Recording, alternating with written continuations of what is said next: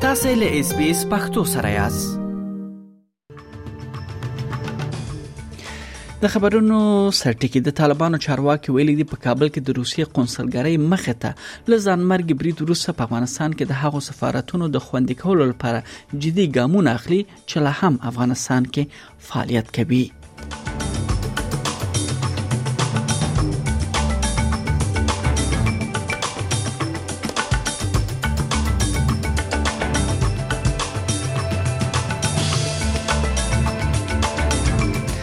خبر له افغانستان څخه دا هم ده چې پکتیا ولایت کې تر شپږم پورته د نجونو ځینې ښوونځي بیرته پرانسل شوې دي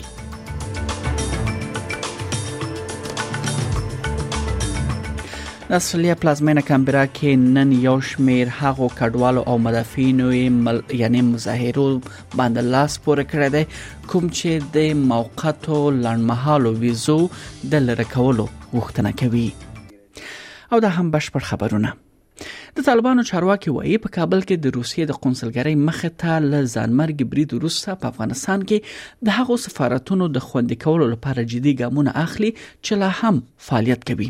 د طالبانو ویان عبدالقهار بلخي وایي د دوی حکومت له روسیې سره نږدې اړیکې لري او اجازه به ورنکړي چې د دښمنانو منفي اعمال منفي اغیزه وکړي د اسلامي دولت وسلواله ډلې په خپل ټلګرام ټولیزه میډیا کې د برید پړه پر غاړه اخیسته ده اوس په جودنه کې د شپږو تنو د وژل کېدو پخلای شوې دی او یا خبر ورکړ شوې دی بل خبر دا دی چې دا سر رپورټونه له افغانستان څخه ورکړ شوې دي چې پکتیا ولایت کې تر شپږم پورته د جنونو ځینې خوانزي بیرته پرانسل شوې دي تر شاوخوا یو کلن ځنډ وروسته د افغانستان د پکتیا ولایت په ځینو سیمو کې څو خوانزي تر شپږم پورته ټولګي انجونو پر مخ بیرته پرانسل شوې دي دا خبره لګ تلګه د پکتیا مرکز ګردیز او سمکنه ولسوالۍ ځینو ځای خلکو بي بي سي ته منله ده د پکتیا ولایت مرکز ګردیز یو اوسیدونکو عبدالحق فاروق وایي چې خوښ دی چې د کورن جونی بیرته خپل خوانځیو ته روان دي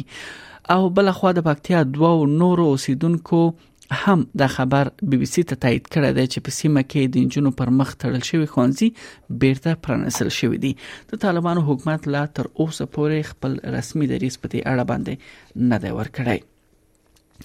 بل خبر دا ده چې په استرالیا کې نوی ارقام دا وړاندیز کوي چې استرالیان د پام وړ ټیټ کور پور اخلي ځکه چې د سود نرخونه په دوامدار توګه لوړېدو حال کې دي د کور پور شرکت جوست سیرنه خای چې د کور جوړونې یعنی کټګوري ته د لاسرسي اوسط پور اندازه 28 سلنه راټیټه شوې ده یعنی په خوا دغه پیسې ولکه او یو سلوي زره ډالر ول چې خلکو یې پور اخیسه او زغه پور چې دی 15 لک او 30 زره ډالر ته راټیټ شوی دی د جوس کمپنۍ مشر کارل همسمیت وایي چې استرالیا د اوګدې مودې تادیات ورکړې پاړه اوس اندېښمن دي بلخوا فدرالي حکومت پر طالبانو غږ کړی دی چې د نجونو په ګډون د ټولو زده کوونکو پر مخ خوانزي بیرته پرانیزي ځکه چې همدې مسلې په اړه د استرالیا په سنا مجلس کې یو طرح وړاندې شوې ده دغه طرح په افغانستان کې روان بشري ناورین ته د ځواب ویلو لپاره د استرالیا د ژمنې یادونه شوې ده له حکومت څخه وکړل کیږي تر څو افغانستان سره بشري مرسته جاري وساتي افغان کډواله او د لویدیزې استرالیا سناتوره فاطمه پیمان وایي د طالبانو لخوا د خزاونجونو حقونه سخت محدود شوي دي It is heartbreaking and my sincerest thoughts go out to everyone with family and friends in Afghanistan going through this ongoing devastation, and to the veterans and their loved ones scarred by the, the pain and trauma. I wish upon you healing and closure. سناتور پیمان هم پر طالبانو غږ کړی دی چې اجازه ورنکړي چې افغانستان د ترهګرو په ځاله بدل شي په سلګونه کډوال او د هغوی ملاتړو په کمبرا کې د پارلمان ماڼۍ مخ ته دوی لاریون کړی دی او د لاریون اوس هم دوام لري او له حکومت دوی غواړي چې د موقته محافظت ویزو په اړه خپل ژمنه پوره کړي او د ویزې لمنځه یوسي د ماجرو د عمل ائتلاف وایي چې لیبر ژمنه کړې وه چې د ویزې دا کټګوري به لغوه کړي ځکه چې دا د خلکو په وړتیا باندې د دایمي کار موندلو د خپل کورنۍ سره یو ځای کولو او هم دریم درجه زکړه ته د لاسرسي پر بخو باندې منفي اغیز کوي د افغان سولې بنسټ څخه طاهره نصرت وایي چې کډوال یوازې د خوندیتوب او د ازادۍ تګ راتګ اساسي حق غواړي We have a lot of um, asylum seekers and refugees who have given their over 10 years of life in Australia working for the economy and adding to the economy of this government, but they have not been able to see their families for more than 10 years. So pretty much they're um, standing today and asking for our justice, and they're not asking more. They're asking a clarity for the future. They're asking we have to have a sort of protection. Uh, we want permanent residency so they can have a clear future. بل خبر دا ده چې خپلواک سناتور ډیوډ پوکاک د تیلو د محصولاتو مالیاتو کمولو غوښتنه کوي په مالیه کې د 22 سنټه لړمحاله کمخ د میاشت په پای کې د فدرالي حکومت په وینا پای ته رسیدي چې دا اقدام د بودیجې فشارونو لامل نشي غزول کېدای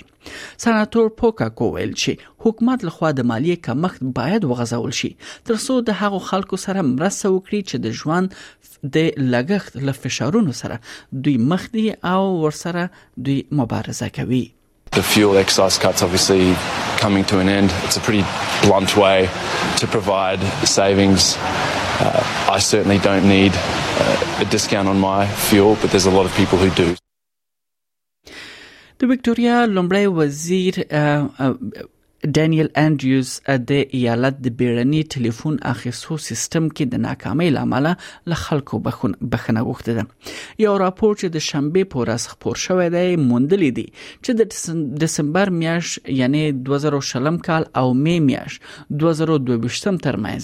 د درې دیش کسانو مړینه د امبولانس اوږد انتظار وختونو او د بیړني ټلیفون زنګونو ته ځواب ویلو کې ځان سره مخامخ تړاو درلود ډانیل انډریوز هغه وړاندیزونه رد کړی دي چې هغه په قضیه ډول دونې په پای کې ټیټ پروفایل ساتل دی معنا دا چې ډیر زیات نه دی څرګند شوی تر څو دی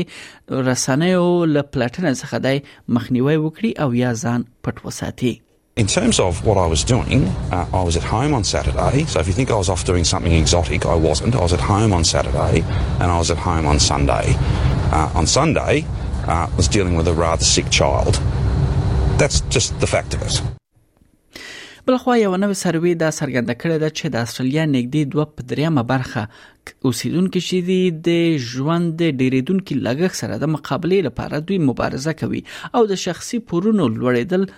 د لوړ کچې په کړکېچ هم د یعنی بدل شوی دی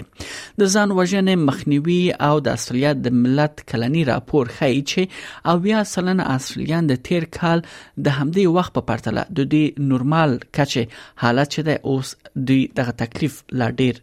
تجربه کوي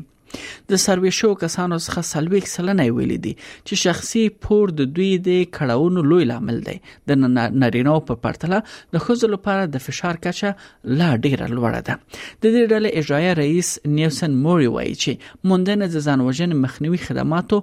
ته دا هم یعنی معلوم کړی دی چې اتاتیا سلنه سره دغه موندنه د دوی سمون لري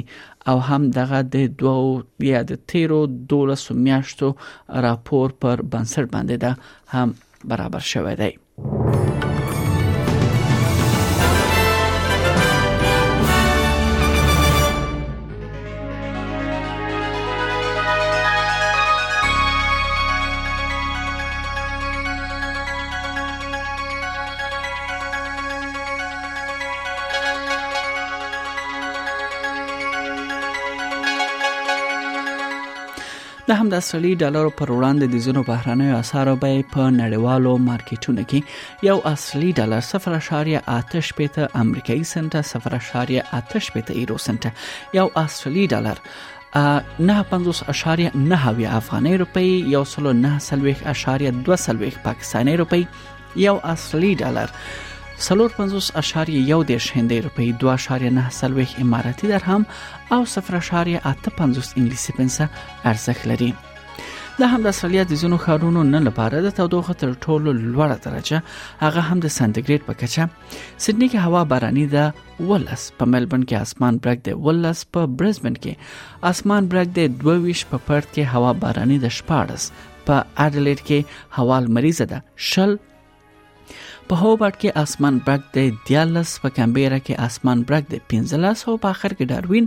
هلته هم هوا لمریزه ده او د تودوخې تر ټولو لوړه درجه 2 سانتیګریډ اټکل شوې ده